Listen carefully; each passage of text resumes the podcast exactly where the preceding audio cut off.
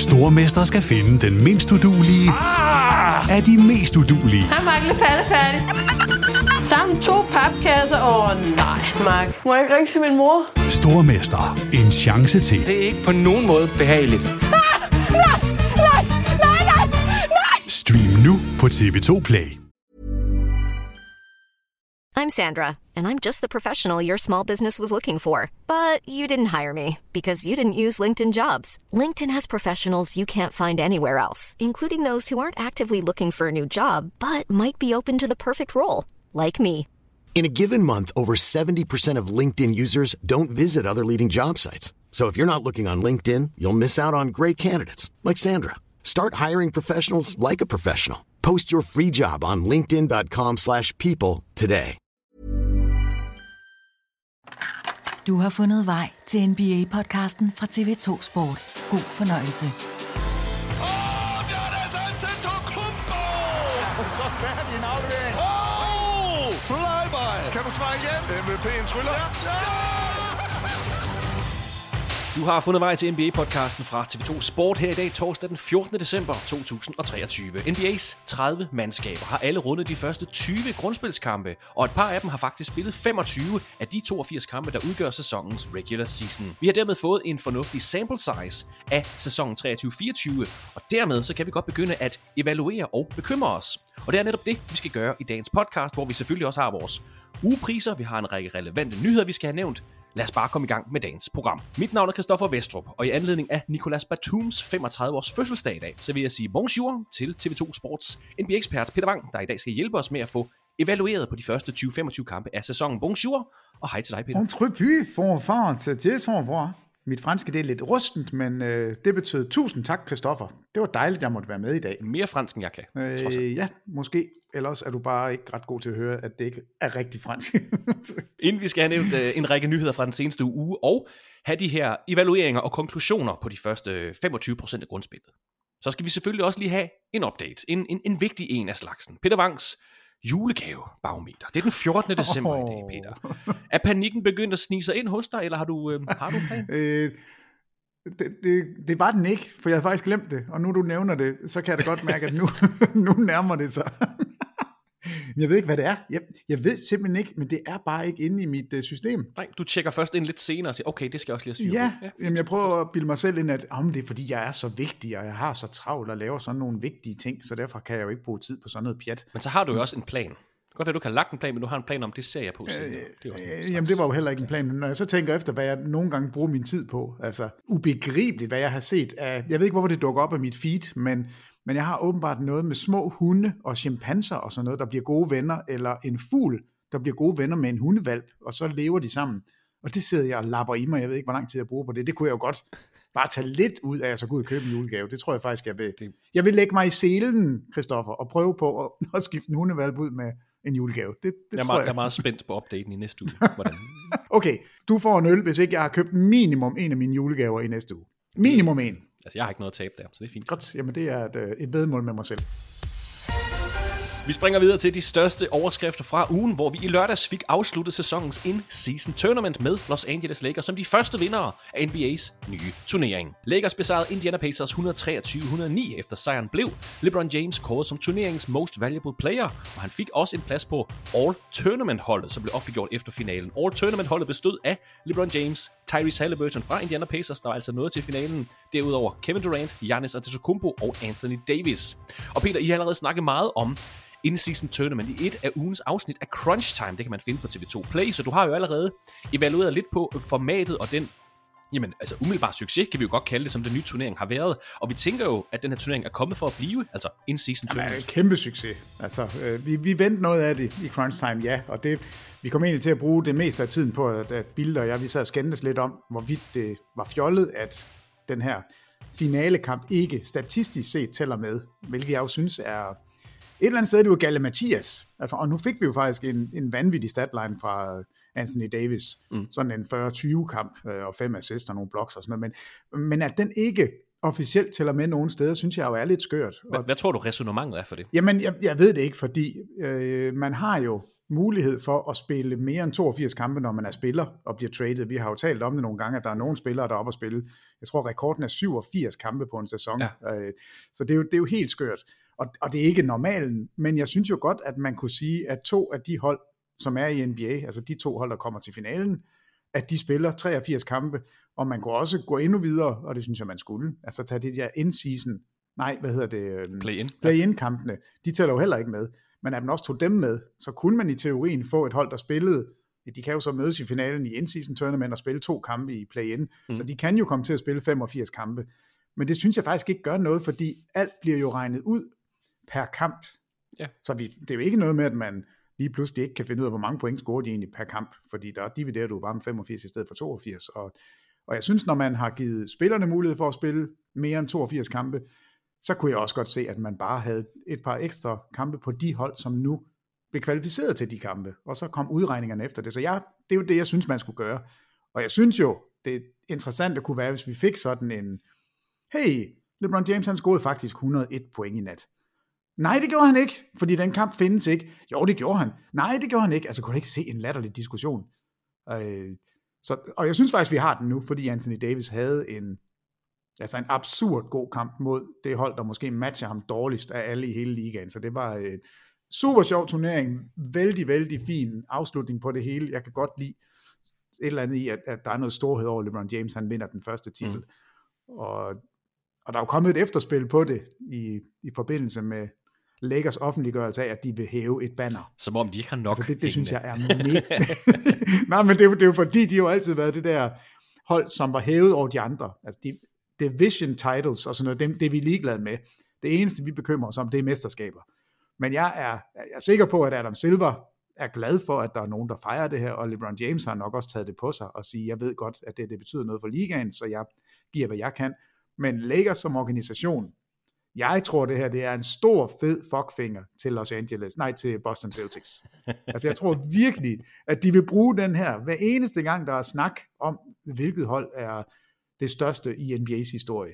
Så har det jo altid været Boston, indtil Lakers fangede dem med, med deres 17. mesterskab. Nu har de lige pludselig 17 mesterskaber begge to, og så har Lakers kunne hjælpe mig også et banner for den første in-season tournament. Kan du ikke se det for dig? At det er den, de peger på og siger, hey, der er, det er på marginalerne, ja, men, men tjek lige, hvad, I, hvad vi har, okay. som I ikke ja. har. Hvis det får dem til at sove bedre om natten, så det, det har du ikke tænkt som Boston-mand. Det er fint. Jamen det tror jeg, der er nogle Lakers-fans, der gør. Altså det kan vi da godt spørge om derude. Om Lakers... jeg, har, jeg har det jo sådan, Boston Celtics var det bedste hold i historien i det 20. århundrede. Lakers, de er det i det 21. indtil videre. Sover du så bedre om natten? Nej, nej, det er bare sådan, jeg har det. Altså, det, er sådan... altså det, det er fedt, når de to hold er... Altså det, det, kunne, det kunne være sjovt, hvis vi fik en finale med de to hold. Altså det ville ikke gøre mig noget, hvis øh, 2024-finalen, det var Lakers og Celtics, fordi så, så havde man sådan en direkte kamp om at have flest mesterskaber. Det ville jo være en, det ville være, det ville være sjovt. Det ville i hvert fald ikke gøre mig noget. Som nævnt, så kan man altså i øh, Crunch Time høre Thomas Bilde, Morten Stig Jensen og Peter Wang evaluere på formatet. Og jeg kan ikke huske, Peter, om I nævnte øh, det rygte, der også er opstået, om et muligt tweak til, til turneringen, nemlig at vinderen vil sikre sig et syvende seed i grundspillet altså allerede i december måned. Det vil selvfølgelig få kæmpe betydning for play-in-turneringen i april måned, men det virker nu som om, at det er ikke sikkert, at det her tweak er, er nødvendigt, fordi spillerne var rigeligt motiverede for at spille de her in-season tournament kampe, så måske et lidt drastisk tiltag, der måske også sådan devaluerer resten af sæsonen, hvis der lige pludselig er en, et seed, der allerede er låst. Det var bare sådan et, et, et sjovt rygte, som jeg hørte, havde fået noget medvind at, at, at der faktisk var en position i spil til vinderen af et hold. Nu, nu er det ikke så aktuelt for Lakers, der jo var inde i, i top 5, men, men lad os sige, det var, øh, lad os sige, det var Detroit Pistons, der vandt. Og det lige pludselig er sikret en syvende plads. Jamen, altså, øh, men det, det var interessant. Jeg tror ikke, det bliver til noget. Jeg tror, man holder sig til de her pengepræmier. Ja, det, det tror jeg også. Og jeg, jeg vil også synes, at det var, det var nok for voldsomt. Øh, jeg, der er også kommet noget ud om, at skulle man have lov til at få et, altså et, et første rundevalg, altså at man fik et mm enten uden for lotteriet som nummer 15, eller i slutningen af første runde, altså valg nummer 31. Øh, og det, det kunne jeg egentlig godt se, at man på en eller anden måde fandt ud af, hvor, hvor skal det ligge? Altså ikke et, et top 3 valg, men, men måske sådan et, et sent, altså det sidste første runde valg, man indførte sådan et ekstra, et ekstra draft pick der. Øh, men ellers så er det, det er jo pengene, og det er jo mega ærgerligt, at det er sådan, men vi har jo talt om det hver eneste gang, at når der er penge på bordet, så betyder det noget. Og der har jo også været snak om, at en halv million, det er fæsent. Altså skal man ikke skrue den op på en, en hel, altså en rigtig million, ikke bare sådan en halv million.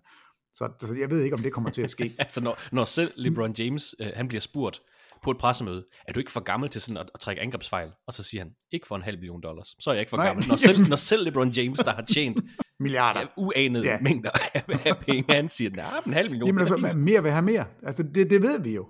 Øh, sådan, sådan er det bare, og det fungerer også i NBA-verdenen. Og det er det, altså pengene er jo selvfølgelig, de er lidt interessante, når man taler om en liga, hvor der er så stor forskel på lønningerne. Hvor der er en LeBron James, Ja. som får øh, over 40 millioner for en sæson, og der løber two-way player med, altså, som sidder på bænken og, og ser frem til at kunne modtage for at vinde finalen, eller for at holdkammeraterne vinder finalen, så kan de få den halve pris. Altså, de fik 250.000 dollars, som er jo en rigtig, rigtig stor del af deres årsløn. Så, så jeg synes faktisk, at det giver mening, at det er pengene, der bliver puttet ind, fordi det giver sådan et tweak. Det er ærgerligt, det er sådan, men sådan er det i, i alle livets aspekter. Der er penge bare en, en alt for stor del af det. Men jeg synes, det virker. Jeg synes, det, den her første turnering, den har været en gigantisk succes.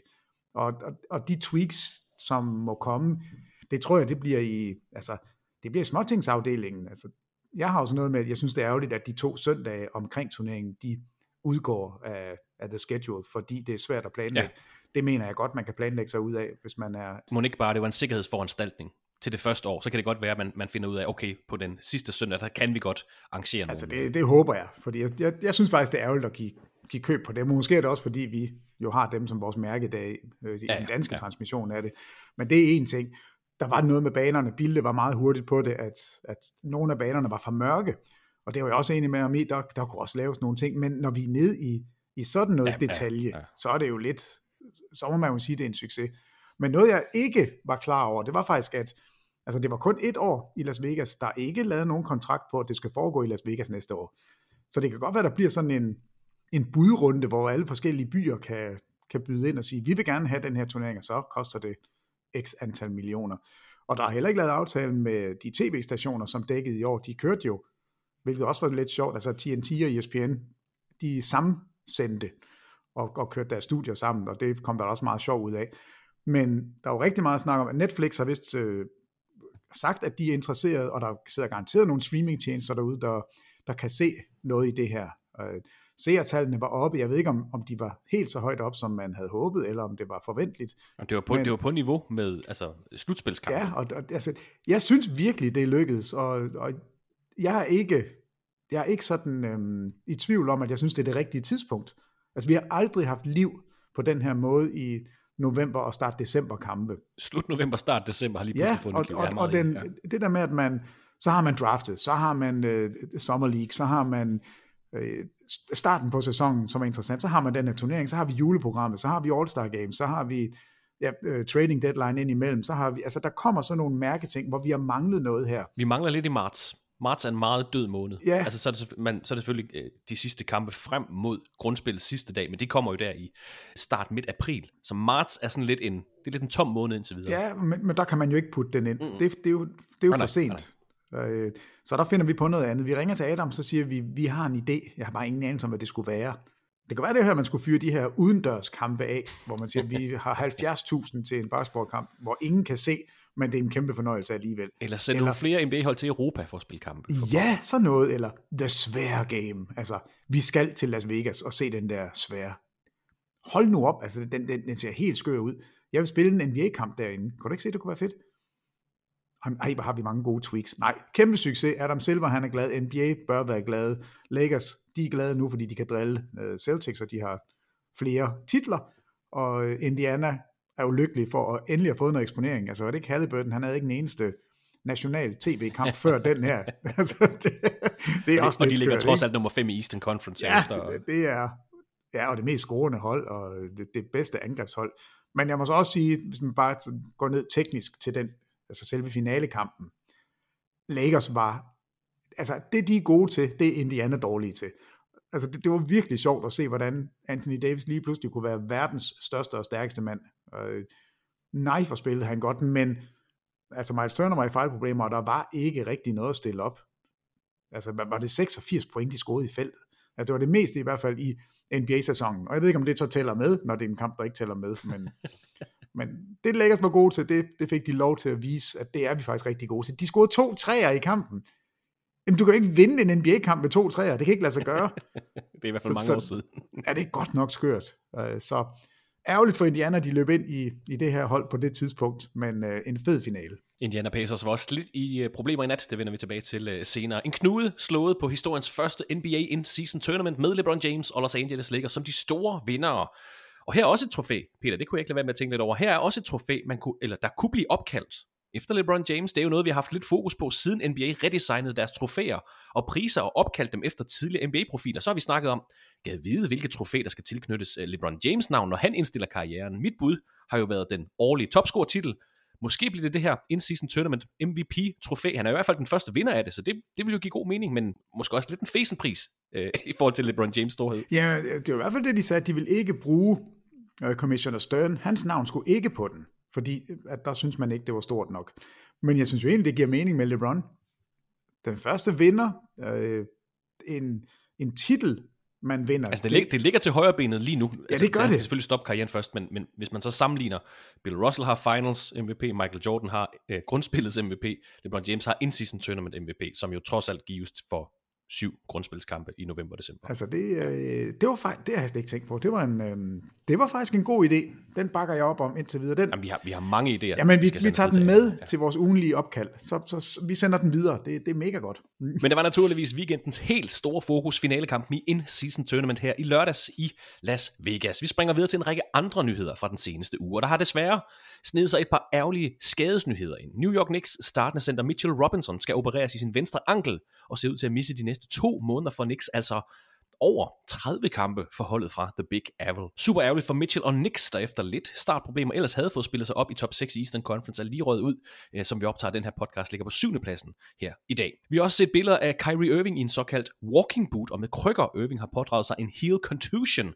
der kan betyde ugers pause til Mavericks-profilen. Det kommer lidt an på graden af den her hælskade, men helt op til 6 uger, så vidt jeg lige har kunne læse mig til. Og så har ugen også budt på et... Øhm, kan vi kalde det et overfald? Det Draymond Green lavede på Yusuf Nurkic her natten til onsdag, svingede simpelthen en underarm med fuld overlæg i hovedet på den bosniske center hos Phoenix Suns.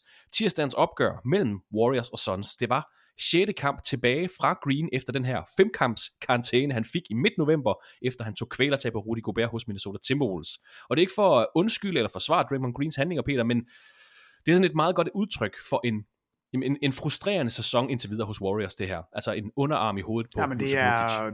Jeg, jeg synes jo, det er værre end det. Øhm, jeg synes jo, det er et, et overfald. Altså det, det med fuldt overlæg. Han knaller en... Altså han, han slår ham i hovedet. Og det er, mm. det er der slet ikke nogen tvivl om. Han prøvede selv at undskylde med, jamen jeg, der var lige lidt, at jeg skulle, jeg skulle vise dommerne, at der var fejl imod mig, og jeg overgjorde det måske en lille smule. Og, men altså NBA har jo gjort det rigtige, synes jeg. Altså simpelthen trukket vejret dybt ned i maven og lige sagt, vi er simpelthen ikke, vi er ikke klar til at fortælle dig, hvor mange kampe du skal sidde ude, fordi vi, vi er nødt til at, at kigge på din historik endnu en gang. Så den her... Altså, For jamen, anden gang på en måned. Jamen altså en karantæne, som er indefinitely. Det, ja. Altså jeg kan ikke huske, vi har set det på, på sådan noget som det her. Og det er jo fordi Draymond Greens track record, den er jo ved at være fuldstændig forfærdelig. Ja. Uh, er det 17 gang han bliver ejected nu i karrieren, eller det 19. 17 eller 19. Det, det skal jeg nok lige tjekke op på. Men det er kun, der er kun én spiller i NBA's historie, der har fået flere ejections. Sheed. Rashid Wallace. Altså, og han var jo berømt for det. Og jeg ved godt, jamen havde, havde man kigget på det anderledes i, i 80'erne, så alle de slagsmål, der var dengang, og i 90'erne, ja ja. Men det er bare, vi, vi står lige nu med en sag med en spiller, som har været stået skoleret på præsidentens kontor af flere omgange og få at vide, nu retter du ind. Du skal ikke slå en holdkammerat, du skal holde op med det, du skal holde op med det. Øh, og så bliver han ved. De er jo nødt til at sætte foden ned på et eller andet tidspunkt. Og, og vi talte lidt om det i går, bare lige kort, sådan, jamen, hvor mange kampe tror vi egentlig, det bliver? Der er flere, der vil og sige, jamen, det bliver nok tre kampe eller fem kampe. Øh, jeg ved, du har et, et take, jeg har et, et lidt andet, men altså, vi nærmer os jo en, en skældsættende dag i NBA, øh, hvor Warriors er repræsenteret, altså den der julekamp. Ja, øh, og der er, seks, der er seks kampe til. Det var det, det, vi snakkede meget kort om det, før vi begyndte at optage. At der er seks kampe til Warriors skal spille på første juledag mod Denver Nuggets. De spiller kamp nummer to, altså primetime kamp, første juledag. Det er et hold, der har vundet mange mesterskaber, de er højt profilerede, der er mange seere, mange seere i Kalifornien, mange fans verden over, der gerne vil se Golden State Warriors. Vi vil gerne se de største stjerner. Spørgsmålet er, om seks kampe er nok. Altså, mit take er, at, at de sætter foden ned og siger, vi venter til efter julekampen. Vi vil simpelthen ikke, du får ja, lov til ja. ikke at være med. Du får lov til at kigge på. Warriors, de mærker virkelig, at, at det her, det gør ondt, fordi et hold uden Draymond Green, altså Warriors er klart dårligere, når han ikke er med, men han har spillet besynderligt i år. Han har taget dårlige beslutninger. Han har været, øh, jamen han har været ude af den. Det har været en undervældende Warriors-sæson, og Draymond Green har været så svingende. Altså det, det er virkelig, virkelig mærkeligt at se ham på den her måde. Så jeg kan godt forstå, at nogen de altså, suspenderer ham hele sæsonen. Nu gider vi ikke se på ham mere. Altså der er jeg ikke, men NBA er også nødt til at sige, du, du, du lavede et chokehold på Rudy Gobert. Det fik du x antal kampe for og du fatter ikke en skid. Du bliver ved med at dumme Nej. dig. Altså det, det holder ikke. De er nødt til at gøre et eller andet. Jeg tror faktisk, jeg tror, de holder ham ude. Det bliver så, er det kamp 6 eller kamp 7, der er julekampen? Det, altså der er seks kampe, og så kamp 7 vil så være mod Nuggets den 25. Godt. Jeg, jeg siger, at han får syv spilledags karantæne, hvilket er, er helt uhørt for noget som det her. Men jeg synes, det er helt på sin plads, fordi det er med fuldt overlæg, og det er tåbeligt, og det er en, altså, det er en spiller, der har fået at vide, nu skal du lade være, og han forstår det åbenbart ikke. Og det er, er det ikke for at, at snakke ned til folk, der synes, han skal suspenderes hele sæsonen. Det ser man bare uhyre sjældent i NBA. Vi skal helt tilbage til Malice in the Palace for at finde en, en, altså en karantæne så langt på en sæson for slagsmål. Så det kommer altså ikke til at ske. Om det bliver juledagskamp til Draymond Green, det må vi se. Han er altså suspenderet indefinitely af ligaen på ubestemt tid, indtil han kan opfylde visse krav. Meget, meget speciel og modig udmelding. Jeg er faktisk, jeg er faktisk fan af det, i stedet for at de siger, jamen det er fem kampe igen, eller det er ti kampe. Nej, indefinitely, indtil du kan lære at opføre dig ordentligt. Om han så kan det fremadrettet, det må vi jo så også se. Jamen jeg, jeg synes nemlig også, at det, det er fint, at, at, at man er nødt til lige at tænke sig om, fordi den her, den skal, den skal helst ramme rigtigt. Altså, det nytter ikke noget, at de laver en, en sådan en, ah, en, en halv ting. Øh, den er nødt til at, at komme igennem med, med den helt rigtige effekt. Og der tror jeg faktisk, at den der juledagskamp, det kunne være interessant, hvad de gør med den.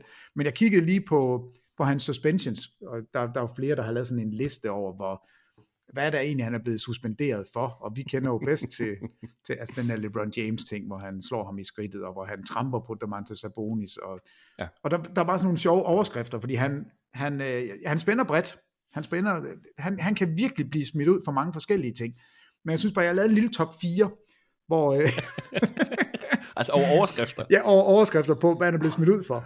Okay. Øhm, og jeg synes, han er blevet smidt ud for at blive øhm, altså playing peacemaker. Altså, at han prøver at gå ind og sørge for, at nogen de ikke gør noget ved hinanden. Det er han blevet smidt ud for, fordi det kunne han heller ikke finde ud af. Så er han blevet smidt ud for profound language. Altså, han har sagt slemme ting. Det skal han ikke. Så er han blevet smidt ud for at kaste bolden efter dommeren. Den synes jeg også er meget ja. god. Og så har han fået den her, den sidste, The Chokehold. Øh, så det er hele pladen, han fylder ud. Draymond Green, han, han kan det her. Han er den bedste i ligaen, uden sammenligning lige nu. Og jeg ved godt, øh, at, at vi har Nikola Jokic, som også ryger ud, men nu den seneste ejection, han havde, det er altså den her mod Chicago, hvor han, hvor han får en teknisk fejl, for ingenting. Altså det, det er sådan, at Stacey King, som er øh, ekspert på, på Bulls transmissioner, Altså, de, de sidder, de, de fatter simpelthen ikke, hvad der er foregået. Han, han er sådan Hverken Chicago Bulls fans, Jamen, ingen forstår det. Team forstår det. Nej, de sidder og siger sådan, altså det her, folk har betalt penge for at komme ind og se en two-time MVP, og så bliver han smidt ud for sådan noget her. Han, han siger selv, altså, Nikola Jokic, han måske var over stregen med noget af det, han sagde. Jo, jo, men var det ikke, øh, fik han ikke en enkelt teknisk øh, Jo, jo, for han det? smidt ud efter en enkelt teknisk. Ja, puha. Altså, ej, det, jeg synes ikke, dommerne har haft nogen god sæson. Det, det må jeg sige. Jeg synes, de har ramt forbi rigtig mange gange. Jeg synes, der har været for mange af de her åndssvage tekniske fejl. Uh, Draymond Greens, den er ramt lige i bagdelen. Altså, da han skal ud, der er ingen tvivl der. Jeg synes, den her med, med Jokic, det, det, er ikke den samme, det er ikke den samme liga, vi kigger på i, i forhold til at blive smidt ud. Men altså, sådan er det. En gang imellem så rammer det også de største spillere. Men Draymond Green, han er præsident på den her lige nu, og jeg synes, det, det er altid noget, han, han spænder så bredt. Han slår, han sparker, han tramper. Han kan det hele. Ja, han råber, han kaster. råber og smider med bolde, og det hele Draymond Green. Vi holder øje. I første omgang, så er det ved at holde øje med ham. Han er med den 25. december, hvor Golden State Warriors altså spiller mod Denver Nuggets.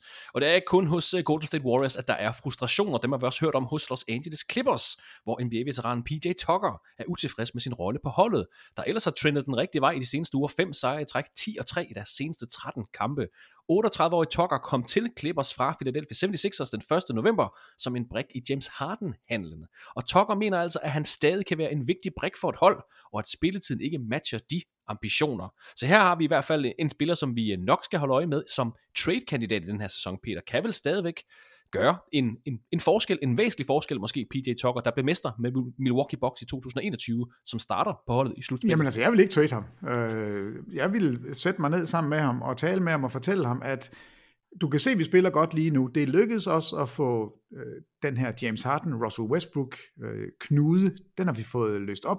Vi mm. ved nu, de, de skal ikke være på banen samtidig. James Harden er starteren, han spiller sine 33 minutter, så kommer Westbrook ind og spiller kvarter, hvis vi kan leve med det, og det ser det ud til, at de kan, så har vi en meget, meget effektiv bænkspiller, og vi har en, en god starter. Så alt er godt der. Du er en lidt besynderlig center, fordi du afslutter ikke, man kan ikke loppe bolden til dig. Du er faktisk en stationær angrebsspiller, der står nede i hjørnet, og en gang imellem, så gider du skyde en tør træer. Men folk, du spiller imod, anerkender, at du er der. Så det er ikke sådan, du er et, et kæmpe minus offensivt. Altså forsvaret falder ikke fuldstændig fra. Men der er nogle matchups, hvor du er guddommelig god. Altså, vi skal bruge dig, når vi møder Antetokounmpo. Vi skal bruge dig, når vi møder Jokic. Vi skal bruge dig, når vi møder de der store, stærke spillere, hvor vi mangler en, der i den grad fysisk kan matche, og øh, altså, der, der, der byder du ind med noget, som er rigtig svært at, at få fat i ellers. Det er jo det, du har været rigtig god til, og det skal du også være god til hos os. Men du får ikke ret mange minutter, men i specifikke matchups, der har vi brug for dig. Så, så vi trader dig ikke. Nej. Og det kan godt være, at du er sur over, at du ikke får minutter nok, men nu får du en kasse rødvin, og du får øh, en bil. Det er, og det er, altså det er en periode, hvor det går godt for holdet. Du bor i Los Angeles, det løser måske ikke alting, men det er lidt en sjov, det er et sjovt tidspunkt, de her ja, utilfredsheder. Jamen jeg kan godt forstå ham. Altså alle de her spillere er jo kompetitive, de vil jo gerne spille, øh, og det vil PJ Tucker også. Men hvis jeg var organisation, så synes jeg, jeg har fat i en spiller her, som er rigtig, rigtig svær at erstatte. Og jeg ved godt, centerpositionen, det er der, hvor Clippers de lige nu siger, altså for fanden var det irriterende, at Subac han er så langsom. Hvor er det irriterende, at vi ikke kan spille det forsvar, som alle os andre gerne vil. Altså med at bytte på screening, og vi, vi kan være super svære at spille imod, bortset fra, at Tucker er en, altså en stor, stærk, meget langsom centertype. Øh, så, så jeg vil, øh, jeg vil ikke skille mig af med PJ Tucker. Øh, jeg vil få ham til at blive i godt humør, og så sige, der kommer et tidspunkt, og det ved du, du har været i ligaen længe, du har spillet international basket, du har prøvet det hele, så du ved også, der er et tidspunkt, hvor vi får brug for dig, og det, det er så der, du skal tjene dine penge. Det er der, du skal vise, at det er, at du er en NBA-spiller. Og så en uh, lidt overraskende nyhed fra den seneste uge, nemlig at Wizards-franchiset kan være på vej til den amerikanske delstat Virginia. Washington Wizards er ejet af Ted Leonsis, der altså har offentliggjort planer om at flytte Wizards og NHL-holdet Washington Capitals, som han også ejer, til et nyt Arena Complex, som de kalder det, i den nordlige del af Virginia, øh, hvis nordøstlige grænse går helt op til Washington D.C. De er adskilt af en, en smal flod, så ikke nødvendigvis sådan en stor øh, geografisk flytning. Øh, det kan ske allerede inden for de næste fem år, den her flytning, men det, til gengæld, eller det kan til gengæld blive det første store sportshold i staten Virginia, der aldrig har haft et NBA-hold. De har til gengæld haft et ABA-hold, Virginia Squires fra 1970 til 76. Det navn må de godt genopleve, hvis du spørger mig. Det kan være, Peter, at det snart er slut med NBA i den amerikanske hovedstad. Det har man altså haft siden 1973. En ret øh, en, en pæn stor nyhed. Ikke sådan øh, resultatmæssigt, højdepunktsmæssigt, men en stor nyhed her tirsdag aften. Hvad tænker du? Jamen, jeg, jeg tænker ikke, at... Øhm jeg tænker ikke, man flytter holdet ud af Washington, og hvis man gør, så er det fordi, man erstatter det med et, et nyt franchise. Okay. Altså Washington er for stor en by, altså det, det, er, jo, det er jo fuldstændig forfærdeligt, at, at det hold har været så ringe. De har ikke været gode siden 70'erne. Altså, det, det, det er en ynk. Øh, så er egentlig ikke noget imod, at, at, at det bliver flyttet, og så kommer et nyt, så man, man kan få en frisk start. Men jeg tror ikke, at man, hvis man er hvis man bor i Washington, så tror jeg ikke, man skal være bange for, at, at der ikke i fremtiden vil være et NBA-hold. Det vil jeg virkelig svært ved at forestille mig. Så, så måske en lille åbning for endnu en, en udvidelse. Altså hvis, hvis ikke det skal være to hold, hvor det er Seattle og Las Vegas, vi taler om, så kunne det jo så være, at det tredje, det kunne være Washington, fordi der lige pludselig bliver en åbning. Så vil du have 33 hold i ligaen? Det går nej, nej, nej, det, nej, de snakker om, om det skal være 32 eller 34. Ah, altså, okay. der, der er jo faktisk begyndt at være lidt rumblings om, at, at ligaen er, altså der, der er gode nok spillere, og der er nok spillere til, at, at man måske kunne udvide med, med hele fire hold. Mm. Øh, jeg tror ikke, det kommer lige øh, i næste uge, at det er fire hold, men, men på sigt, altså sådan en, en flytning og et, altså et nyt franchise, det, det, er, det tager noget tid. Så, så der, jeg tænker ikke, at man sådan frygter, at det er til næste sæson allerede. Nej, nej, nej, nej. Altså, så det er jo øh, det er undervejs. Men der snakkes om 2028, det er jo altså om, om fem ja, år. men der kunne man da godt forestille sig, at NBA så lægger en plan for, hvornår man udvider, og at Washington lige pludselig åbner sig op som et marked, vi ikke havde tænkt på før. Ja. Det, det, det er egentlig mest det, jeg synes er interessant, fordi jeg tror, ikke på, jeg tror simpelthen ikke på, at man... At det er slut med NBA. Øh, nej, det, det, kan jeg ikke, det, det kan jeg ikke forestille mig. Altså, også det backlash, der kom fra Seattle, kan du ikke, altså, det, det er jo stadigvæk noget, de altså, har problemer med. Hvorfor har vi ikke et hold i Seattle? Det er en ynk, og man vil ikke anerkende, at, øh, at det hold, der blev flyttet, de skal have det. Altså, det vil man helst ikke ud i, og Washington bør have et slagkraftigt mandskab. Men altså spændende, om øh, vi får et hold her i Virginia, og der så også kommer et hold i Washington DC. De vil så blive øh, lokalrivaler, kan, kan vi godt Jamen, det kunne da være fedt. Det kunne da være super fedt. Meget interessant nyhed, vi fik her tirsdag aften. Her i vores nyhedsoverblik, der er vi også nødt til at nævne Milwaukee Bucks sejr over Indiana Pacers her i nat. 140-126. Eh, franchise-rekord. Career high. 64 point fra Giannis Antetokounmpo. En tangering af det 23. højeste antal point fra en spiller i en NBA-kamp nogensinde. Det højeste antal point fra en spiller i den her sæson, øh, hvor Giannis øh, faktisk har de to øverste pladser på listen, altså flest point i en enkelt kamp i den her sæson.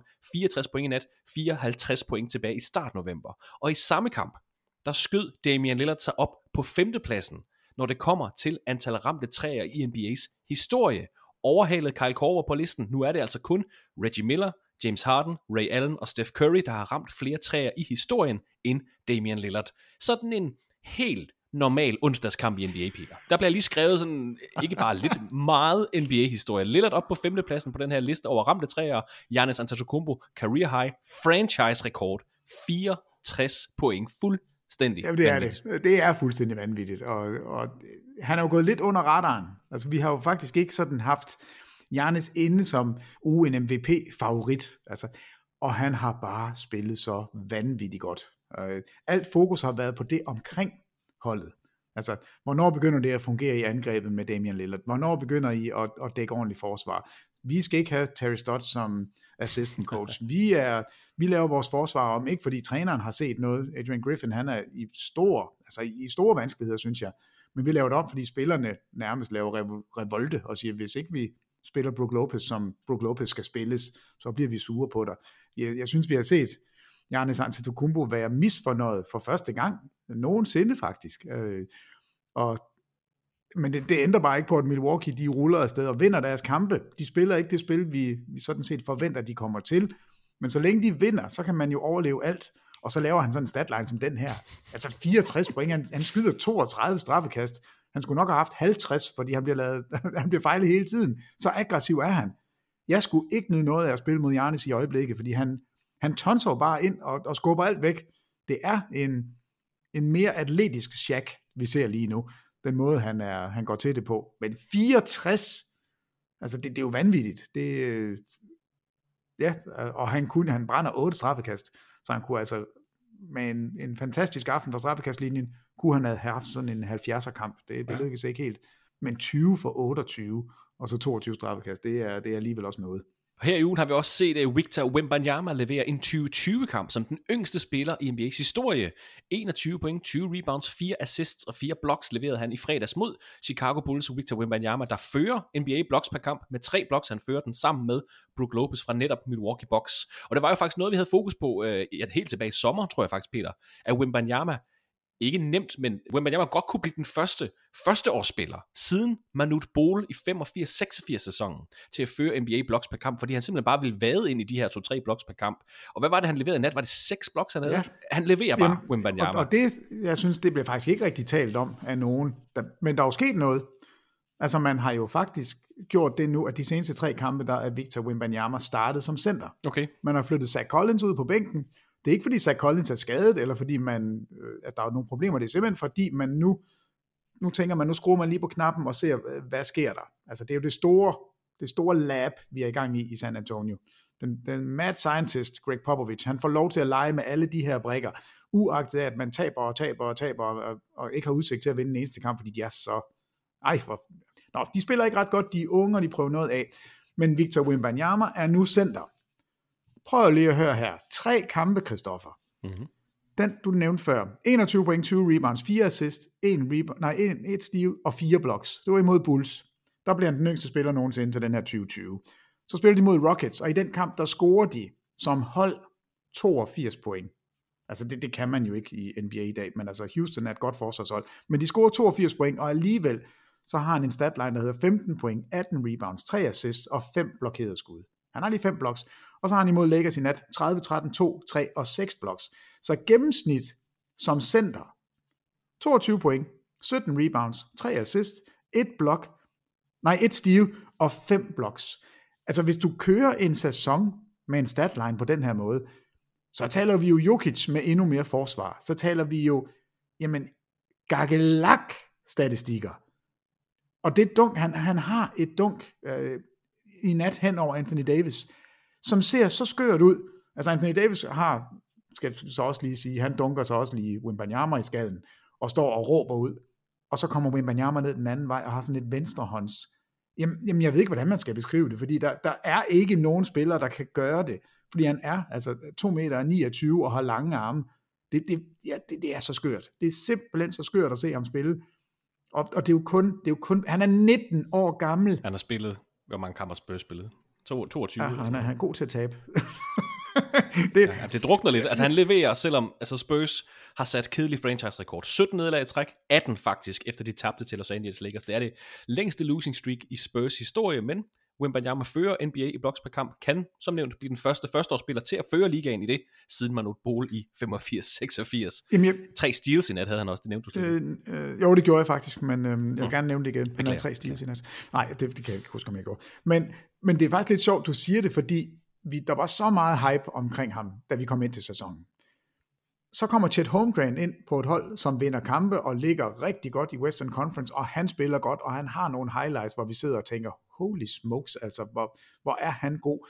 Og så er snakken sådan lidt blevet drejet over på Chet Holmgren. Og så kigger man over til Jaime Jaquez og siger, hey, det, det kommer lidt uventet, han er så god også. Og, og så glemmer man lidt øh, Wimbanyama, fordi de taber, og fordi de bare er så ringe. Og så når man lige dykker lidt mere ned i det, og, og ser lidt San Antonio Spurs, og ser hvordan de, de prøver Jeremy Sohan af som point guard. Nu er det så øh, Wimbanyama, der kommer ind som center. Men de statistikker, han har, og de plays, han har, altså, der er en grund til, at vi taler om ham som den mest hypede spiller siden LeBron. Og måske den spiller, der om 20 år kan stå og sige, jeg, er- jeg er den største i NBA's historie. Altså, jeg ved godt, det er at tage munden for fuld efter 20 kampe, men, men det er jo det, der, der er blevet påklæbet ham hele vejen igennem. Og han leverer altså det her, 22, 17 og 5 blocks, som 19 år gammel i gennemsnit. Mod spillere som Anthony Davis for eksempel. Det er jo og- det. Det, det, det er jo ikke, altså, når du kan gøre det her mod Lakers, altså score 30 point og have 6 blokerede skud, så, så gør du noget i begge ender af banen. Når, når du kan have en 2020 som den yngste spiller nogensinde, så viser du, at, at du er lidt speciel. Altså, jeg, jeg, ved ikke, hvor mange superlativer vi skal sætte på ham, men det, der trækker ned lige nu, det er, at San Antonio er så ringe, og de kun taber kampe. Derfor, derfor kommer vi til at glemme ham lidt. Så vi skal lige huske, at han altså er derude. Jeg har været hurtig til at sige, at Chad Holmgren, han er, jamen, han bliver Rookie of the Year, fordi han er en rigtig god spiller på et rigtig godt hold. Men hvis de her statistikker fortsætter, hvis han kommer til at snitte fem blocks per kamp, så, så ved jeg ikke, hvordan vi skal holde ham væk. Sjovt at se, hvordan han leverer som centerspiller lige pludselig, fordi det bliver jo fremtiden for ham, tror jeg. Altså, han, han bliver en alt dominerende center. Super interessant. leverer altså fuldstændig Victor Wembanyama. Spørgsmålet er, om det er nok til at komme i betragtning til den, øh, ja, den nok mest prestigefyldte pris i Dansk Niche Sport Podcast Regi, Peter Wangs Real MVP-pris. Hvem skal vi hylde i den her uge, Peter? Jamen altså, det, det er faktisk sådan, at øhm, der var to oplagte muligheder. Den ene, altså det, det er jo nærmest umuligt at, at sige, at Giannis Antetokounmpo ikke skal have øh, prisen, når man scorer 64 point. Øh, og, men, men det er for nemt. Altså jeg synes, det er for nemt. Og jeg, og jeg var også over på, om det skulle være Simons fra Portland, som er kommet tilbage og spillet tre Ja. brandkampe i streg. Men vi ved jo godt, at han er en dygtig scorer, og, og det er også fint. Så jeg bliver lidt i, øh, i Milwaukee Bucks-kampen. Ja. Øh, også fordi jeg synes, hele det her efterspil, der har været om kampbolden, det, jamen, det er mega sjovt. Altså de der klip, Antetokounmpo, han er jo rasende inde på banen og spænder ned af, ned af tunnelen for at få fat i bolden. Og han vil, han vil have den, Både fordi han selv har spillet en god kamp, men han siger jo også, at han vil også gerne have den, fordi han vil give den til Damian Lillard, fordi han ramte den her træer, som overhalede Kyle Korver.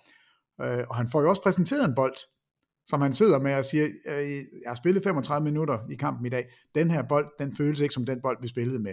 Så jeg ved ikke, om jeg har the game ball, og, og, og man kan se, det betyder faktisk noget for ham. Så det er super sjovt øh, at, at lige følge med i den. Altså, jeg er jo fløjtende ligeglad, og kunne ved, hvor den bold er henne. Ja, Indiana Pacers vil gerne have den til en af deres unge spillere, der spillede sin første kamp og scorede sin første point. Jeg kan ikke lige huske navnet. Men, Nej, jamen det er der. Det er der, prisen kommer. Oh, sorry. Nå. sorry, sorry, sorry. Nej, det er helt okay. Fordi at der var nemlig en spiller, som også gerne ville have den her bold. Og jeg synes, vi skal hædre ham, fordi han har et navn, vi ikke... Jamen altså, vi kan jo prøve at se, om vi kan udtale det sammen. Fornavnet, det er ikke så svært. Han hedder Oscar. Oscar, Oscar kan vi det- godt vi lide. med. Og så hedder han T-S-H-I-E-B-W-E. Chipwe. Chipway. Chipwe. Oscar Chipwe med nummer 44. Han scorer sine første to point i nat som NBA-spiller. Og det synes jeg, når vi har det så tydeligt, og der er et gigantisk efterspil med den bold, som Chipwe måske skulle have haft, Damian Lillard skulle måske have haft den, Antetokounmpo skulle, skulle måske have haft den. så, så hvor den ender, om ikke andet, så får han en pris. Det er ikke sikkert, at han får bolden. Jeg ved ikke, om han kan sætte sig igennem mod to etablerede stjerner i ligaen og sige, må, må jeg ikke godt få den? Det skal ikke være jer to, jeg vil gerne have den. Det, det synes jeg bliver sjovt, men her der får han i hvert fald en pris fra Danmark. Det finder han måske nok aldrig ud af, men hvis vi nogensinde ser ham, så siger vi til ham, du har en pris i Danmark, det skal du bare vide. Det er heller ikke sikkert, at han får den her pris igen. Nu må vi se. Nej, det, det kunne jeg ikke forestille mig, han gør. Altså, Oscar, du skal, du skal være glad for den, og jeg håber, vi ikke fuldstændig maltrakterer dit efternavn. Chipwe, det er meget sjovt. Stort tillykke til Oscar Chipway fra Indiana Pacers. You're the real MVP. Fra storhed, kærlighed og rosenord og til en helt anden del af verdens bedste basketballliga. Skyggernes land. The Upside Down. Et sted, du aldrig må gå hen, Simba. Vi skal nemlig også uddele en anden pris af en lidt mere tvivlsom kaliber. Ugens Jaden Ivy Award gives hver uge til en undervældende præstation af opkald efter den spiller med den lavest samlede plus-minus i sidste sæsons grundspil, Jaden Ivy fra Detroit Pistons. Åh, det er en god uge det her, Peter. Fordi vi skal have en tidligere elev hjem i klassen. En tidligere vinder på banen. En Jalen Green Award alumni, som ellers har gjort det rigtig godt i den her sæson, men som stadig kan finde tid og plads til det her segment i podcasten. Kommer hjem og siger hej til sine gamle lærere igen. Ugens Jaden Ivey Award går til, den går til dig, Duncan Robinson. 0 for 7 i fredags. Uha. Miami Heat tabte med 12 point til Cleveland Cavaliers. Duncan McBride Robinson startede på banen, spillede 23 minutter. Han ramte et straffekast, han havde en assist, var 0 for 7 for gulvet, havde 6 turnovers, 4 personlige fejl og var minus 25 i opgøret. Det var hans laveste plus minus siden 31. januar 2022, altså i næsten to år. Duncan McBride Robinson, velkommen hjem. Her er en Jaden Ivey. Jamen altså, øh, når du beskriver det sådan, så kan jeg jo godt høre det, men, men der er jo en, som jeg tænker, det, det er jo helt vanvittigt, at han ikke kan få den her pris, Christoffer. Du er en hård, du er en hård dommer. Er det Ayo Dosunmu? Det er Ayo Dosunmu. Han har også fået prisen før. Det var mit finalefelt, de to. Og jeg var så glad, for de har begge to fået en, en Jalen Green Award. Men det Ja, men altså, det, det er, og jeg forstår godt argumentationen, men, men den her, når man har en, øh, altså en ren nuller, altså 0 point, rebounds, assist, steals, at alt ikke kan lave andet end nuller, så er det imponerende. Og, og det, der adskilte øh, Ayo Dosunmu en lille smule, det var altså, at han spillede 26 minutter og 29 sekunder. Og der er kun to spillere nogensinde, som har præsteret at være så ringe med flere minutter. Og det, det er Joel Anthony i 2011 og Tony Snell i 2017. Åh, oh, sneller. Ja, den gode gange sneller. Øh, Så jeg vil lige ind og kigge på, på de to kampe. Øh, Joel Anthony, han spillede for det her Miami-hold, og når man kigger på, øh, på hans holdkammerater fra 2011, det er LeBron James, Dwayne Wade, Chris Bosh, det er Sadrunas Ilgauskas, der startede som center. Altså, det er jeg fuldstændig glemt, at han har været der. Og Carlos Arroyo, Arroyo er, er point guarden. Det er jo det her forfærdelige år, hvor Miami de blæser igennem. Det er første gang, de bliver samlet. Øh, det starter lidt, lidt ujævnt, men så bliver de rigtig gode, og så kommer de ind og, og taber i finalerne til Dallas Mavericks. Altså, det var jo noget overraskende. Og der starter Joel Anthony faktisk øh, i, den, øh, i, den, i den sidste finalekamp. Men altså, to gange mester, men tænk sig engang at spille så mange minutter, og jeg kiggede så på hele sæsonen. Han havde 13 kampe med 0 eller 1 point, hvor han spiller over 20 minutter. Jamen, er det ikke imponerende? Ja, det, det, det er han. Altså, han er en, øh, han er en OG, hvad det angår. Og, og Tony Snell, det var også lidt sjovt at kigge på den kamp, fordi i 2017, der spiller han øh, for Milwaukee Bucks. Giannis Antetokounmpo er på det hold i den kamp. Middleton kommer fra bænken. Son Marker var på det hold. Wow. Malcolm Brogdon er på det hold. Altså det, Ja. jeg ved ikke, om det kun er mig, men jeg synes, det er sjovt at se sådan nogle gamle statlines, og sidde og kigge på navnen og se, gud, han var der, og gud, han startede fra bænken, og, og der sker bare noget, men jeg synes, at prisen det er fair, at du giver den videre, men, men vi kan ikke gå forbi det her, uden Nej, nej. lige at, at nævne ham. Ayo Desun var han, øh, han var dygtig. Han var dygtig til at være dårlig. Det, det skal man også have lidt, øh, lidt ros for. Han er også den øh, eneste, første og eneste spiller i podcast-historien, der har fået begge vores ugepriser. Samme afsnit. Ayo Dosunmu. Og man er vild. Ja, han kan det hele. Han spænder vidt.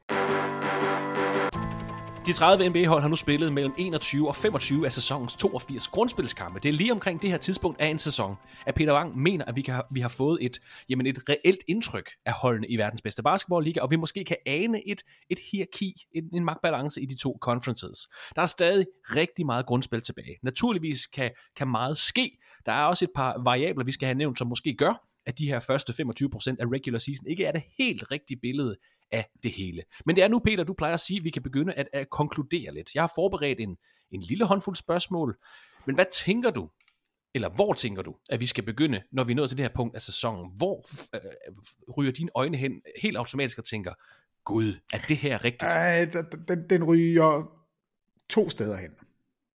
Øh, Den ryger til Western Conference, og så ryger den til, øh, til det hold, der fører hele NBA, altså Minnesota Timberwolves. Nu er vi nået så langt ind i sæsonen, at, at det her kan ikke længere være et fluk. Det her er et retvisende billede af et hold, som dominerer NBA i forsvarsenden. Angrebsenden ikke super skarpe, men det vidste vi godt, at det kunne være lidt problematisk. Altså det, de rangerer som nummer 18 i offensive rating, men nummer 1 i defensive rating. Rudy Gobert er tilbage. Rudy Gobert er den spiller, man traded for sidste år og fik 0 og niks. Og, og man har fundet ud af det nogenlunde i angrebet. De har en potentiel two-way superstjerne i Anthony Edwards. Så de har det, der skal til for at lukke en potentielt kamp 7 i en finale, fordi det er det, man altid skal kigge på, når vi taler om de her hold.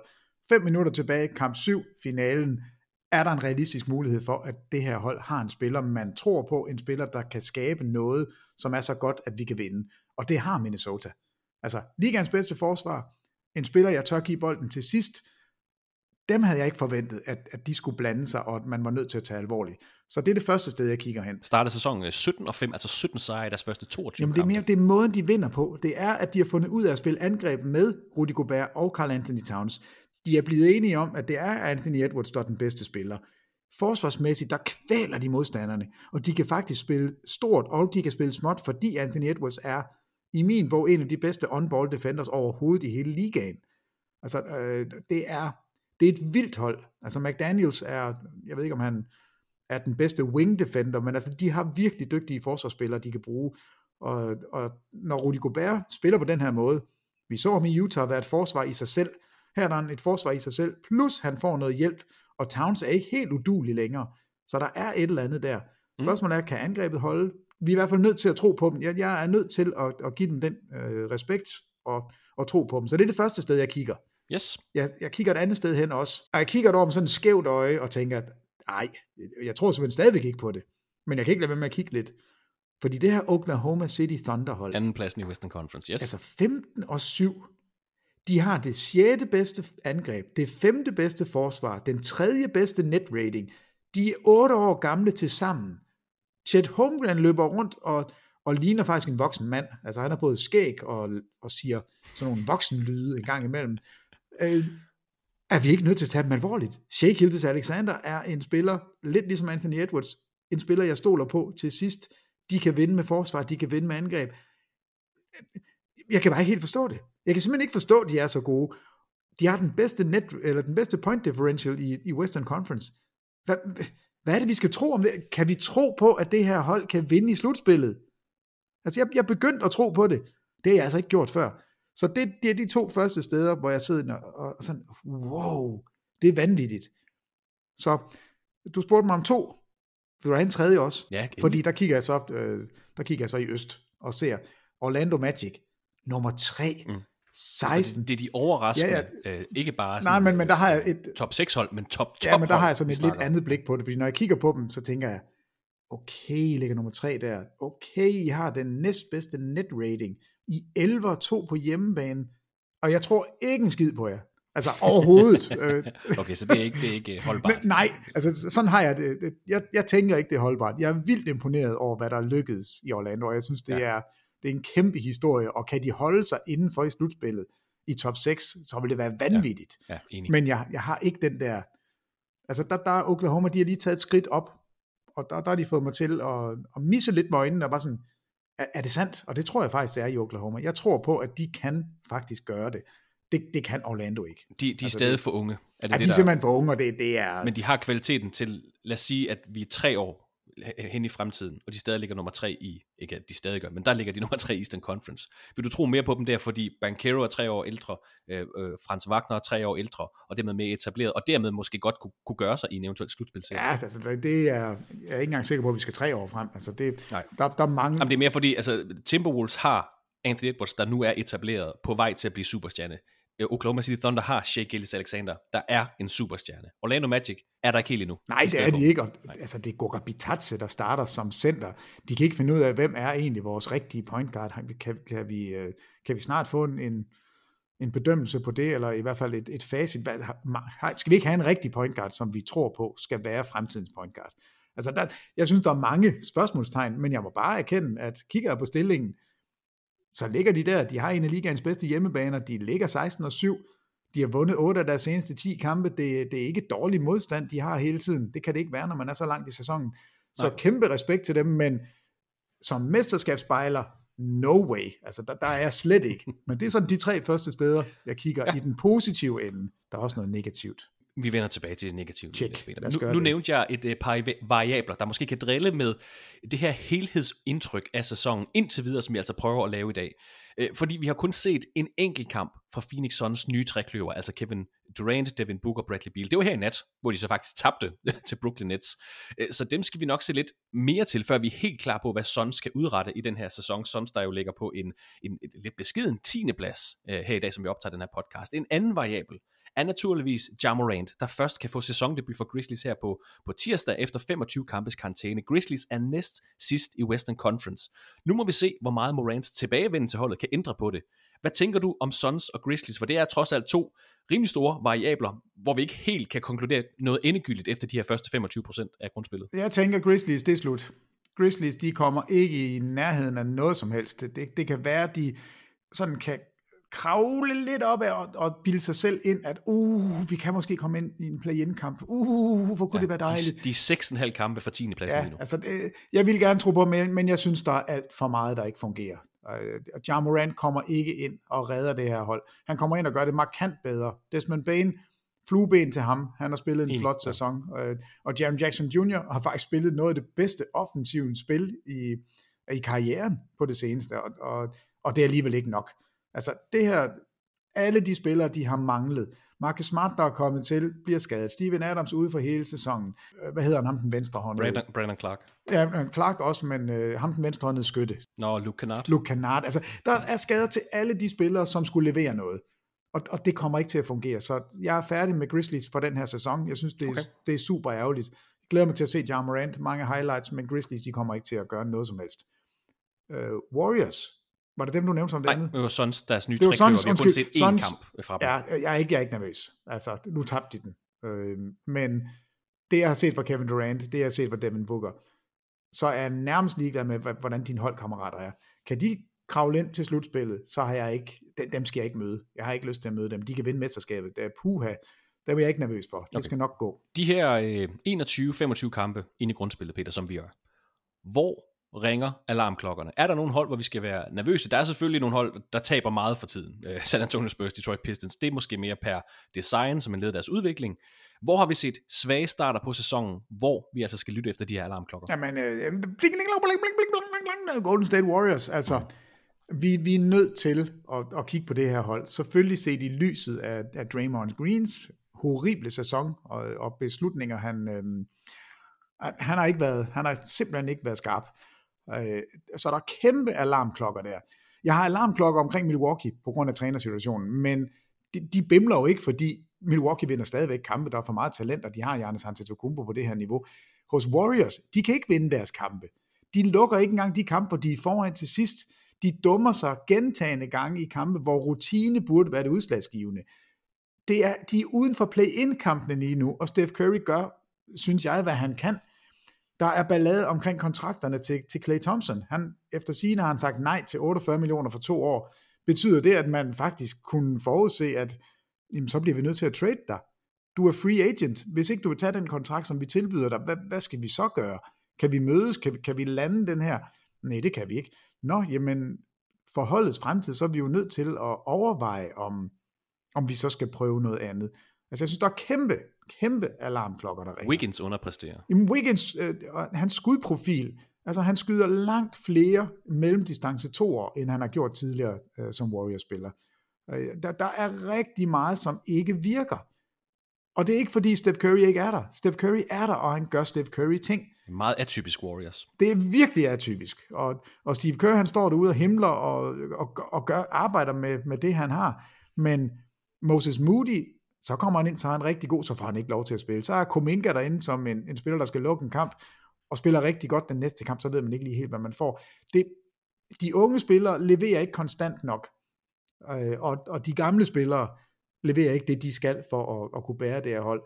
Og jeg, jeg, er, jeg, jeg synes, alarmklokkerne, de bimler hos Warriors. Altså det, det, er, det er skidt, og jeg er ikke sikker på, at de kommer sig.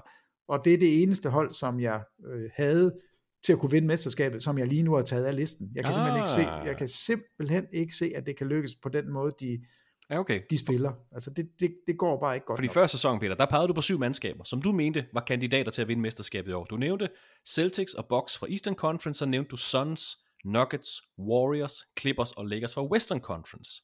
Og det har de, de, de, de her første små 25 kampe, det har, altså, det har det altså ændret på. Det her ja, det har det. Der, der, der er ændret lidt. Der er ændret lidt. Jeg, jeg vil sige, vi er, der er kommet lidt flere til, og så er der altså et, jeg lige nu har taget af. Okay. Så, så Warriors er ude, det vil sige, der er seks tilbage. Jeg går stadigvæk, Boston, de kan vinde. Det er der ingen mm. tvivl om. Milwaukee Bucks kan vinde. Det er der ingen tvivl om. Den var det samme. Lakers, der er stadigvæk, faktisk er jeg bare, synes jeg, blevet bekræftet i, at det her hold, føj, hvor kan de være gode og store og stærke, hvis, øh, ja. hvis, hvis de kan komme ind for i slutspillet, så dem har jeg heller ikke lyst til at møde. Clippers er fuldstændig nullet afsted efter den her horrible start, og James Harden, der kommer til, og det bliver bare endnu værre. De har landet den nu. Vej, ja. ja, de har landet nu. Det er som om Tyrone Lue har fået, fået fat i, hvem, altså hvem skal spille sammen. Kawhi Leonard spiller på All-NBA-niveau lige nu, øh, og, og hele den her kabale omkring Westbrook og Harden, den er blevet løst. Og, og jeg tror, hvis Westbrook han køber scenariet, at han kun skal spille mellem, ja, et sted mellem 13 og 22 minutter per kamp, alt efter hvordan det lige går, øh, så har man altså har man faktisk en spiller, der kan gå ind og ændre en kamp, også i en slutspilserie. Vi ved, han er erratic, vi ved, han kan gøre mærkelige ting, men vi ved også, at han stadigvæk har det der at, altså vanvids at, atletiske evne, hvor han, hvor han lige pludselig kan tre, altså tre angrebsrebounds og dunk folk i hovedet, og komme på straffekastlinjen og ramme sine straffekast. Og, altså han kan ændre spillet, han kan ændre noget. Så man har stjernen, man kan give bolden til, man har faktisk et par stykker, og man har også noget galskab fra bænken, som jeg tror er nødvendigt. Så de er stadigvæk med på, på listen. Øh, og Phoenix er jeg er ikke nervøs. Øh, Nej, okay. Så de seks hold er der, og så, så synes jeg, der er, at der er tre hold, der er kommet til. Okay. Ja, det er lidt vildt, ikke? Men Philadelphia 76ers, det er det næstbedste angreb. Det er det 9. bedste forsvar. Det er nummer et i net rating i sæsonen. Joel Embiid... Kan de vinde en Eastern Conference Finals serie mod enten Bucks eller Celtics? Ja, det kan de, men ikke okay. med det præcise hold, de har lige nu. De skal have en lille smule hjælp, og det tror jeg, de får. Altså, de har ikke brugt deres, øh, deres okay. trade-muligheder. Der kommer et eller andet til ved trading deadline, som gør, at vi, vi kigger på det her hold som et tophold, men også på et hold, hvor vi tror på, at de har bredden til at kunne gøre sig i, i slutspillet. De mangler en, synes jeg, de mangler en guard-type. Altså det behøver ikke at være en ren point guard, men de mangler en, en der, kan, der, der kan styre spil, der kan skabe noget på egen hånd, når Tyrese Maxey ikke har den, eller Tyrese Maxey skal have et hvil. De trækker for store, altså det, det, det, er, for, det er for, for meget, der bliver lagt på Tyrese Maxey og Joel Embiid's skuldre lige nu. Det tror jeg godt, de kan bære i grundspillet. Men jeg er bange for, at de bliver for slidt, hvis ikke der kommer lidt ekstra hjælp til, men det forudser jeg altså også, der gør. Okay. Så Sixers okay. er det tredje hold i Eastern Conference. Og så har vi allerede nævnt Minnesota, som jeg, vi er nødt til at tage dem med nu. Ligaens bedste forsvar. Øh, det kan noget. Og de har som sagt den her stjerne, jeg tror, jeg kan bære dem. Og så Thunder. Altså, der er tre hold i... Thunder kan vinde mesterskabet. Thunder, jamen, hvad skal jeg sige? Altså, det, det sjette bedste... Kan de, kan de slå Denver Nuggets i en Western Conference Finals? Det kan jeg da ikke forestille mig, men jeg kan ikke... Jeg kan... Nej, men så kan de jo ikke vinde mesterskabet. jo, hvis ikke de møder Denver. kan de slå Phoenix Suns i en Western Conference Finals? Kan de slå Los Angeles Lakers i en Western Conference Finals? Nej, måske er det også bare... Det tror jeg altså ikke, de kan, og det er med al respekt for deres gode start. Ja, det er et år for tidligt. Sjette bedste angreb, femte bedste ja, ja, forsvar. Ja, ja, men, altså, der... men det, det, er jo, det er din liste, jeg skal jo Nej, ikke... jeg, jeg kan også godt mærke, at jeg kan lynhurtigt tale mig selv 18 igen. Øh, men, men lige nu i dag, hvis jeg skulle sige Warriors eller Thunder, Thunder. så kan jeg vel ikke tage mig selv alvorligt, hvis ikke jeg siger Thunder. Øh, med alt det bøvl, der er det ene sted, og alt det glæde, der er det andet. Øh, men der er tre hold, som er i top 10 i, i både defensive rating og offensive rating. Og det er altså Boston, det er nummer 7 offensivt, nummer 4 defensivt, det næstbedste net-rated hold. Og så er det Sixers, som vi nævnte før, og så er det altså Thunder. 6, 5 og 3. Og, og det, det er skægt at sidde og, og bare kigge på tallene, øhm, hvordan, de så, hvordan holdene altså, får sådan et billede af, jamen er det angreb, de vinder med, er det forsvar, de vinder med. Øh, der er de her tre hold. Det er altså hold, der kan vinde i begge ender af banen. Øh, og Clippers, synes jeg, er, er måske det hold, jeg er sådan mest overrasket over, fordi de bonger ud som nummer 6 i ligaen i net rating. Det er det 12. bedste angreb, det er det 6. bedste forsvar, og, og det er som om man efter Harden kom til, og vi havde alt balladen, så har vi glemt dem, så har vi sådan puttet dem over til siden og sagt, øh, vi gider ikke rigtig bekymre os om dem. Det er fandme ikke et særligt rart hold at møde. Om det er det virkelig ikke. Kawhi Leonard, Paul George, James Harden, Westbrook som skør mand fra bænken. Øh, hold nu op, altså. Det, jeg er glad for, at øh, vi talte om dem som et hold, der kunne vinde mesterskab, fordi der, jeg bliver kun bekræftet i det. Jeg synes virkelig, det ser spændende ud nu, når de er ved at lande den, og og lurer mig, om ikke det her hold, det står der, når vi kommer til altså nærmere slutspil, der står man og kigger på dem og siger, wow, ja. det, det, det er et slagkraftigt mandskab. Nu sprang vi lidt, uh, lidt væk fra de her destinationer, vi måske skulle være nervøse for. Jeg ved ikke, om du har andre, Peter, for ellers så, altså hierarkiet i både Eastern og Western Conference er sådan lidt ved at blive rystet på plads, men noget, der alligevel springer lidt i øjnene, øh, når man kigger på den nedre halvdel af Eastern Conference. Vi har Detroit, der taber meget, Washington er et bundhold, Charlotte Hornets... Nå, nå det mener du. 21 ja, ja, gamle i streg. professionel øh, vurdering her. Chicago Bulls 12. pladsen. Så har vi Atlanta Hawks, der har været øh, undervældende også 9 og 14, da de startede. Men Cleveland Cavaliers, lige nu ligger de på en, en 9. plads. De er kun en halv kamp fra, fra en syvende plads, og, og en enkelt kamp fra, øh, fra en sjette plads. 13 og 11, det er jo ikke horribelt, men jeg synes, jeg synes Cavaliers har været en lille smule undervældende. Jeg, jeg ved, det er jo ikke per design, jeg tror både Hawks og Cavaliers vil gerne med op og spille med i slutspillet. Men jeg tænker ikke, du er overrasket over, at de ikke ligger inden for i top 6. Men er der nogle alarmklokker her, eller er det bare, øh, som det skal være? Nej, der er der, jeg synes, at du har, da, du har da helt ret. Der er der gigantiske alarmklokker, der ringer. Og, og det betyder jo også, at man i Cleveland, man kan ikke lade være med lige at kigge lidt på, hvad er det, Donovan Mitchell vil? Altså alle har jo vidst, at det her nok var en fireårs periode, med mindre holdet blev så godt, at de kunne vinde mesterskaber, så ville man kunne få dem til at blive. Men ellers så, så vidste man godt, at det var det, man gik ind til. Det var ikke hans destination. Han sagde ikke, jeg vil rigtig gerne til Cleveland. Han vil gerne til New York. Og jeg er sikker på, at New York de sidder lige nu og afventer, hvad der sker. Det gør alle hold. Det er det 8. bedste forsvar. Det er jo ikke dårligt, men det var jo et af ligaens absolut bedste i sidste sæson. Ja, blev nummer 4 i Eastern Conference. Ja, altså så, så jeg synes da, det er... Jeg havde da forventet, at de skulle komme i en top 6. Så, så det er da meget undervældende. Og Donovan Mitchell-tingen, den ligger sådan og, og svæver over dem. Jeg synes, deres offseason var mega god. Altså, at man får George Niang og Max Struss ind, det var lige præcis det, de manglede, fordi deres angreb øh, manglede trepointskytter. Nu kommer de det hjælper ingenting. Vores angreb, det er stadigvæk ikke særlig godt. Øh, det, det, er, det synes jeg er, er skræmmende. Og nu er vi så langt inde i sæsonen, at vi kan godt begynde at kigge på det. Jeg ved godt, Darius Garland har været skadet. Jeg ved godt, Mitchell også har været skadet. Jeg ved godt, at de ikke hele tiden har haft deres spillere klar. Og det er kun én kamp for en top 6 placering. Ja, ja. Altså, så, det, det, er jo ikke galt. Så, så, jeg har ikke de samme alarmklokker, som jeg har hos Warriors. Men jeg synes, at der er, der er grund til bekymring. Øh, og Evan Mobley, jeg har jo været kæmpe fan, og er det stadigvæk, men han har ikke taget det der skridt op som man forventede. Han er ikke blevet en offensiv spiller, man er bange for. Og det, det tror jeg faktisk, vi var mange, der, der sådan for to år siden sagde, næste år det bliver rigtig godt, men om to år, så skal I bare se. Altså det, han spiller fuldstændig ligesom han gjorde, da han kom ind i ligaen. Og det, det er ikke så godt. Det er i hvert fald ikke godt nok, hvis man sådan vil videre op, og jeg har dem overhovedet ikke på listen over hold, der måske kan lave noget larm i, i slutspillet. Nej, nej. Altså Thunder, helt reelt, så tror jeg ikke, de kan vinde mesterskabet, men jeg tror, De kan godt lave de noget kan lave noget larm i slutspillet. Er. Der, der har jeg altså ikke Cleveland lige nu. Jeg synes ikke, de kan larme overhovedet. Nu nævnte jeg, øh, eller nu har vi snakket om de her alarmklokker, og de her kandidater til mesterskabet. Andreas Stor har skrevet til os og spurgt, øh, hvad sker der for Nikola Jokic? Tre gange på relativt kort tid er han blevet smidt ud. Er han blevet en diva? Har han tabt sutten? Eller er dommerne blevet for påtagende? Øh, Jeg kan kun lige huske to gange i, i de seneste tid mod Chicago og mod Detroit, men det har været en lidt øh, skæv periode for den forsvarende Finals MVP. Nuggets ligger nummer 4, de har været godt spillende, selvom de, de for nylig tabte tre kampe i træk øh, her i sidste uge faktisk.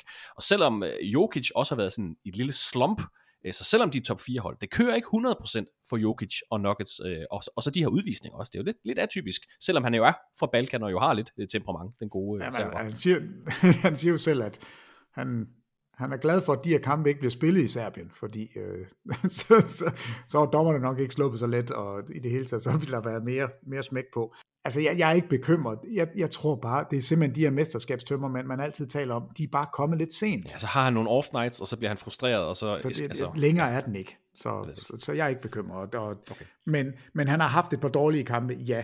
Han har haft nogle kampe, hvor han ikke har ramt i, i feltet. Jeg, jeg tror nok, jeg har hørt en statistik med, at han, han var den spiller, der har brændt flest skud i feltet over, over to kampe nogensinde. Altså det, Ja, han havde sin laveste skudprocent i karrieren i en, i en kamp. Jamen altså, han, han, han er jo altid, han skyder altid 60 procent, og i feltet, der skyder han jo 70. Altså, han, han, er, han plejer at være så effektiv, så derfor springer det bare sådan i øjnene, når det så går galt, men no worries. Okay. Øh, Hvilket stort spørgsmål har vi fået besvaret efter de første 25% af grundspillet? Du har jo faktisk svaret lidt på det ved, at- ved at, at sætte fokus på Minnesota Timberwolves, det her med, at Towns og Gobert, de kan eksistere sammen, de kan spille sammen, og de kan få succes sammen. Så det er i hvert fald et spørgsmål, som vi også havde før sidste sæson, men det har vi i hvert fald fået besvaret. Men er der andet, du lige kan komme i tanke om, som vi sad og, og kløede os i skægget over før sæsonen, som vi nu har fået svar på efter de første 25%? Øh, nej, fordi vi havde et par spørgsmål omkring, hvad, hvad vil Milwaukees forsvar gøre?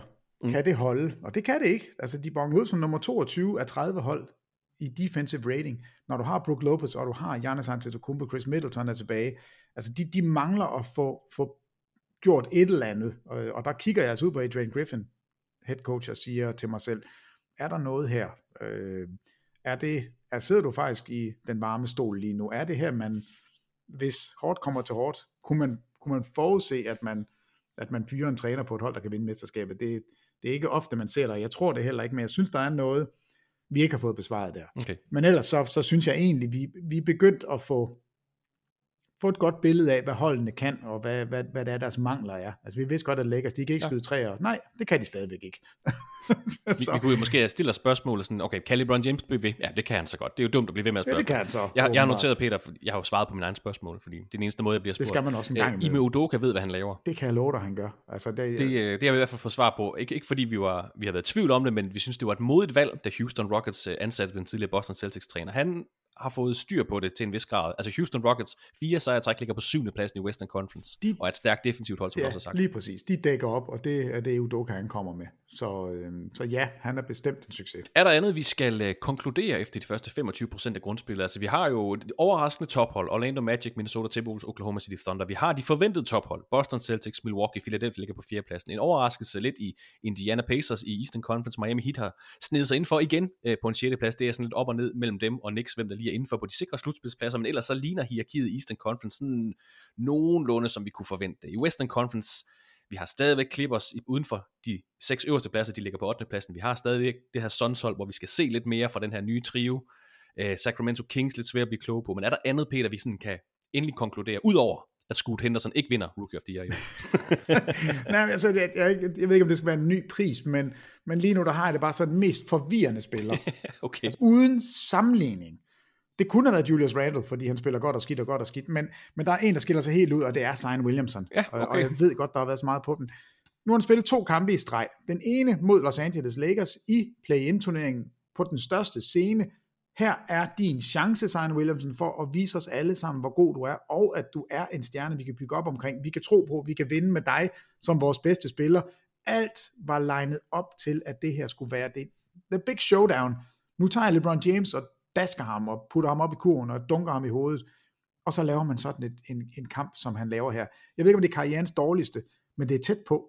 Altså, minus 33 på banen, scorer 13 point, har ikke et steal, ikke en rebound, nej, øh, et, et blok, har tre rebounds og tre turnovers, er fuldstændig ikke eksisterende i forsvaret, og fløjtende ligeglad, løber rundt som sådan en, jeg synes man kan se en lille beller, og, og han, han gider ingenting. Jeg har aldrig set noget så latterligt ringe fra en spiller, man forventede noget af. Og så afskriver alle ham, mig selv inklusiv, bare sådan, sælg ham, ud med ham, afsted, ingenting. Næste kamp mod Minnesota Timberwolves, som er ligaens bedste forsvar, med spillere, som ingen kan score imod ved ringen. Så spiller han sin bedste kamp nogensinde, måske. 36 point, 5 rebounds, 2 assist, et steal og et block, plus 26 på banen, og var et bæst, som Minnesota overhovedet ikke kunne kontrollere. Altså, hvad, hvad er du for en? For fanden, fortæl os, hvad, hvor, hvor lander vi henne? Ellers så giver os 10 kampe, hvor vi lander midt imellem, og så tror vi på, at det er det. Men hvor bliver jeg? Altså, det her er en spiller, man skulle, altså must see TV, og det er han ikke lige nu, fordi man tør ikke se det, for man ved simpelthen ikke, hvad man får. Men mest forvirrende spiller, det er dig, Zion Williamson. Jeg kigger på dig, og jeg kender godt det hele, og jeg ved, Steven A. har sagt, at alle kokkene, restaurantejerne, de, de siger, at han spiser bordet. så så øhm, ja, han får ikke en pris, men, men jeg holder i hvert fald ekstra øje med Zion Williamson lige nu, fordi jeg vil gerne se, hvilken vej han tager. Jeg elsker det her Pelicans hold, men Zion, oh my god, vil du ikke godt spil sådan der hver eneste gang, så er jeg fan. Lad os kalde ham uh, Must See TV her på søndag, hvor du altså kan se ham på TV2 Play kl. 21.30, hvor New Orleans Pelicans får besøg af San Antonio Spurs. To fænomener, Zion Williamson over for Victor Wimbanyama. Det bliver en kamp, der bliver kommenteret af Peter Wang og Thomas Bilde. Jeg tror egentlig, det var det for i dag, Peter. Har du uh, andet, vi skal med? Nej, det har jeg ikke. Så tak dejligt. for i dag. Det blev ordene i denne uges NBA-podcast. Nyheder, in-season tournament, de første 25% af grundspillet og ugepriser.